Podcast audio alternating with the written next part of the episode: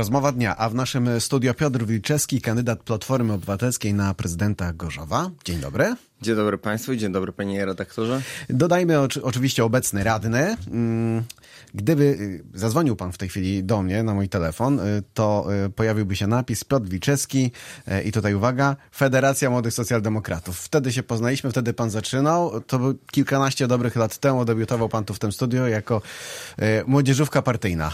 Dokładnie. O, Długa pamiętam. droga. Długa droga. Wiele, wiele lat temu. Tak, to chyba jeszcze no dobre kilkanaście lat temu. Pamiętam, że wtedy jako mhm. absolwent studiów na Uniwersytecie Adama Mickiewicza w Poznaniu napisałem maila do profesora Liberackiego, zwracając mu uwagę, że jesteśmy jedynym miastem, w którym nie ma e, jego biura, tak, europosła i gdyby szukał asystenta, to ja z chęcią tutaj przyjąłbym taką propozycję i pomagałbym mu tutaj w rozwijaniu. I tak to się zaczęło? I tak to się zaczęło, tak. No i potem byłem przez pół roku asystentem europosła Liberackiego i w tym czasie gdzieś tam e, też tworzyłem tą młodzieżówkę w Gorzowie.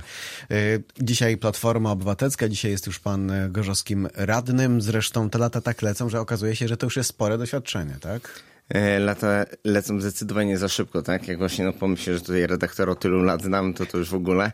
E, ale tak, teraz jestem w Platformie Obywatelskiej e, od ponad 6 lat, 5 lat radnym. No i pora na kolejny krok, na kolejne wyzwania. Pytam nieprzypadkowo, dlatego że daję panu szansę, żeby powiedział pan parę słów o sobie mieszkańcom, bo kiedy pytamy o Piotr, Piotra Wilczewskiego, często słyszymy, hmm, nie znam, albo znam e, mało, muszę poznać. E, dziękuję za tą szansę, zdaje, panie redaktorze. Zdaje się, tak. że ma pan dużo pracy, żeby przedstawić swoją sylwetkę mieszkańcom Gorzowa. Tak, to na pewno cała ta kampania będzie wymagała dużo pracy ode mnie, od mojego sztab, sztabu i od całej drużyny Wilka, gdyż no, rozumiem, że tutaj ta rozpoznawalność nie jest jeszcze taka duża, no ale jestem gorzowianinem, mhm. urodziłem się w Gorzowie, ukończyłem tutaj drugielo. E, wróciłem tutaj po studiach e, i, że tak powiem, po różnego rodzaju wyjazdach zagranicznych, praktykach w Chinach, w Turcji, w Chorwacji, pracy w Anglii. E, I tutaj teraz mam, że tak powiem, osiadłem żony, dzieci. Prowadzę Stowarzyszenie Można Samemu, które organizuje Gorzowski Bieg Gwiazdkowy, Gorzowski Bieg Wielkanocny, a także Gorzowski Bieganie Czwartkowe, którego byłem inicjatorem i pomysłodawcą. Angażujemy się jako stowarzyszenie w szereg różnego rodzaju organizacji, a ja sam aktywnie tutaj uczestniczę w życiu miasta, uwielbiam podróże rowerem, bieganie, szykuję się do Ironmana, uprawiam triatlon, także no okay. du dużo rzeczy, tak? To tyle, jeśli chodzi o y, poznanie pana, pana y, prywatnych stron. To teraz porozmawiamy już y, oczywiście merytorycznie o Gorzowie. E, no, przedstawił pan kilka takich najważniejszych punktów. Od razu zapowiedział mhm. pan, że cały program będziemy poznawać e, w trakcie. Jednym z, z tych punktów sztandarowych wymienionych przez pana jako pierwszy jest powiększyć miasto. Dobrze wiemy, że jest to trudne. Niektórzy mówią nawet wręcz utopia. No, chociażby prezydent y, Tadeusz Jędrzejczak próbował powiększyć Gorzów.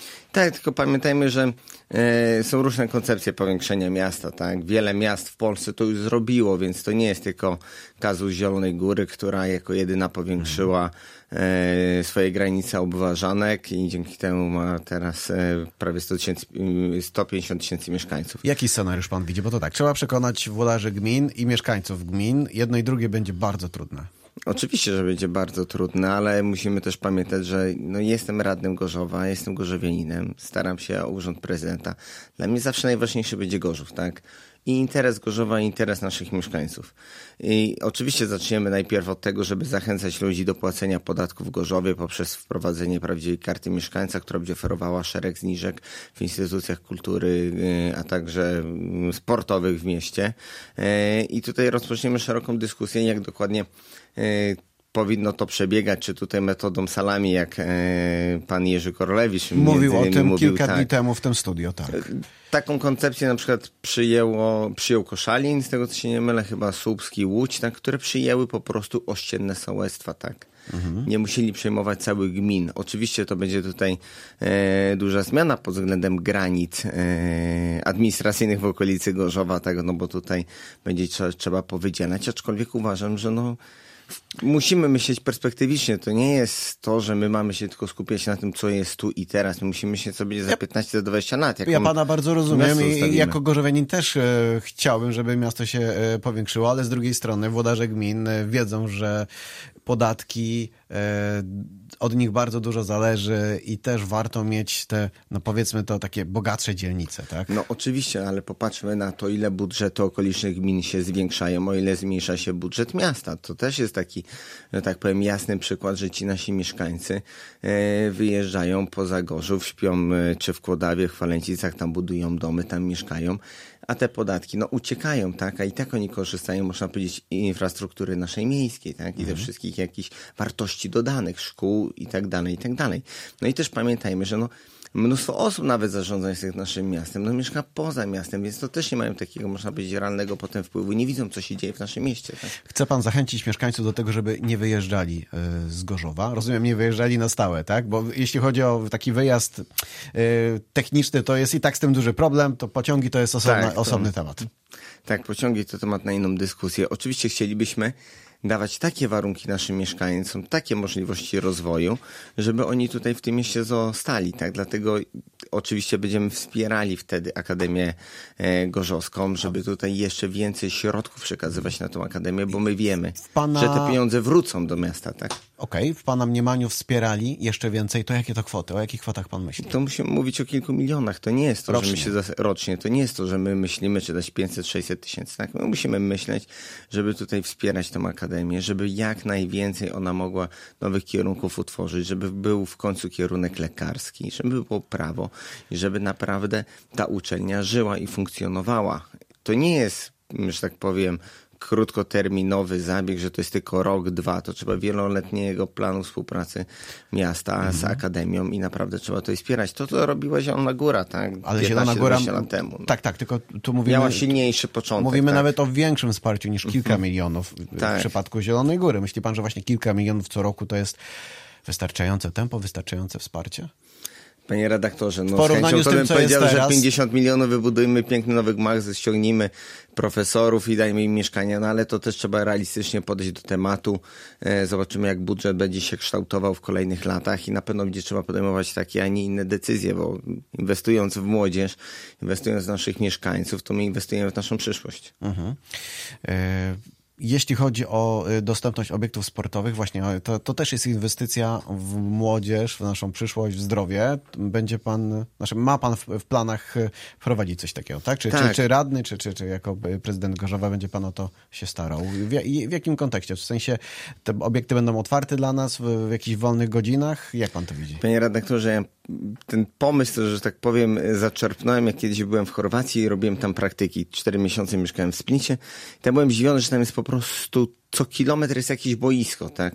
Obiekt sportowy, na którym codziennie ktoś gra, czy to są kluby, czy to są e, mieszkańcy i one są otwarte cały czas, tak? Tam nie ma jakiejś... AWF-u otwarty, właściwie teraz w, przerw, w przerwie zimowej z powodu nawierzchni jest to zamknięte. Tak, ale no formalnie to oczywiście te godziny są ograniczone dla mieszkańców. E, wieczorem nie ma oświetlenia, bo tutaj oszczędzamy 15 tysięcy rocznie, żeby po prostu nie oświetlać stadionu.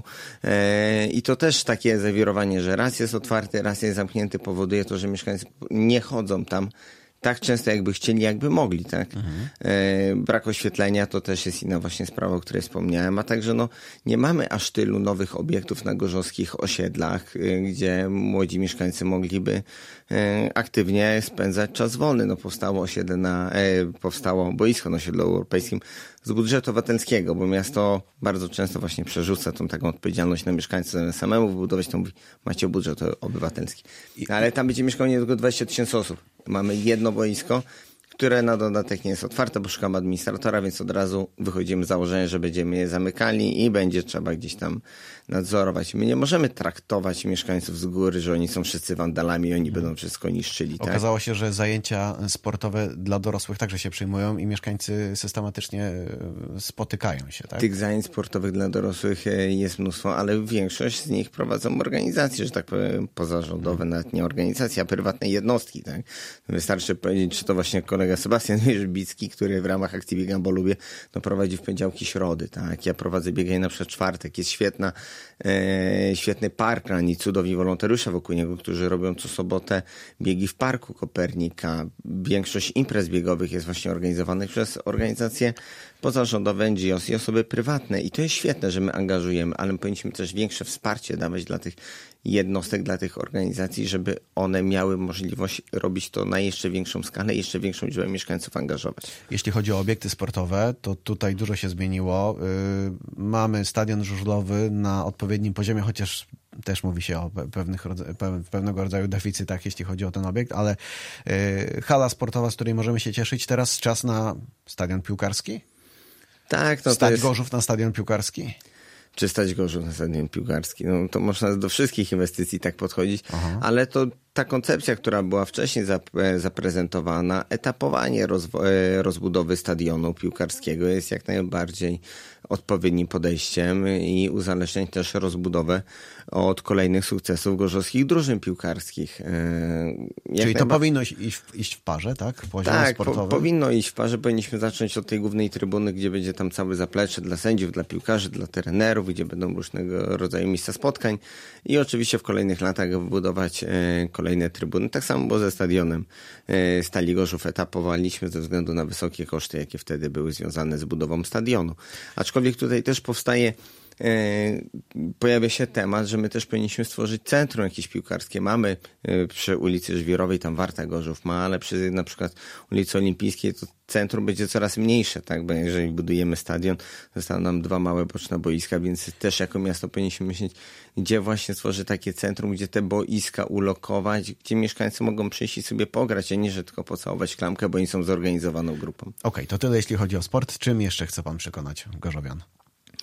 To będziemy po kolei pokazywali te nasze punk główne punkty programu. Oczywiście no tutaj będziemy pokazywali nasz pomysł na politykę senioralną, bo też pamiętajmy, że mieszkańcy naszego miasta e, są coraz starsi, coraz bardziej dojrzali e, i oczywiście też będziemy mówili o estetyce miasta, tak? o ustawie krajobrazowej, o której mówię od początku mhm. mojej kadencji jako radny, a do tej pory jest, można powiedzieć, no ciągle ta sama odpowiedź, że nie, bo nie, bo nie mamy ludzi, bo czekamy jak inne miasta rozwiążą ten problem, bo za mało jest tych miast, a jednak patrząc na centrum, uchwała krajobrazowa zdecydowanie poprawiłaby estetykę naszego miasta e, i zwiększyła jego, no, można powiedzieć, nawet atrakcyjność, tak?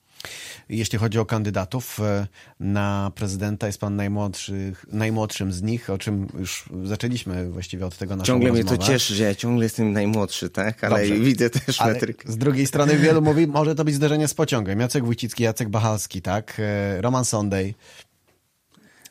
To są nazwiska, które są e, tu już ograne mocno, w sensie, no, jako gracze politycznie są znani. E, tak, no, na pewno są znani, ale to mówię, nie oznacza, że im ktoś jest starszy, jest bardziej ograny, tym ma większe kompetencje i większe doświadczenie. Tak? Mhm.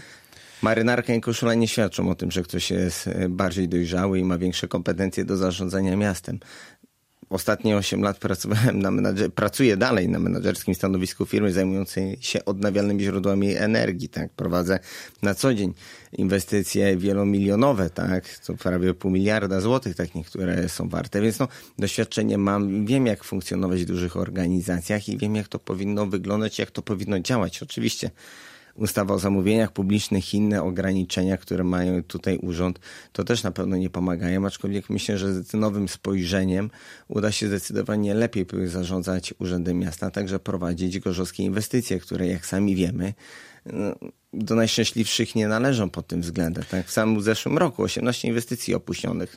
Kiedy pan y, słyszy o klawiszowaniu kolejnych płyt pod urzędem miasta, pod samym urzędem miasta, to co pan sobie myśli? To się zastanawiam, gdzie jest nadzór nad inwestycjami.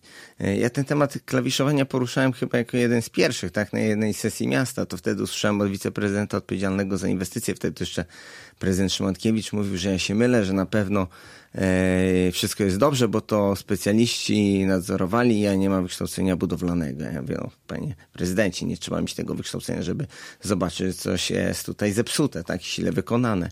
I najbardziej boli to, że to jest taka inwestycja pod samym urzędem miasta, tak, pod oknami prezydenta, która się toczy, która jest opóźniona, która od samego początku coś tam nie działało, tak, i właśnie my wydajemy setki tysięcy złotych co roku na nadzór nad inwestycjami, więc pytanie, co ten nadzór robi, tak? To jest pytanie, które y, pozostawimy zawieszone. Będziemy do tych tematów na pewno w trakcie kampanii wyborczej e, powracać. Piotr Wilczewski, kandydat Platformy Obywatelskiej na prezydenta Gorzowa, obecnie gorzowski radny, gościł w studiu Radia Gorzów. Dziękuję bardzo. Dziękuję panie redaktorze, miłego dnia państwu.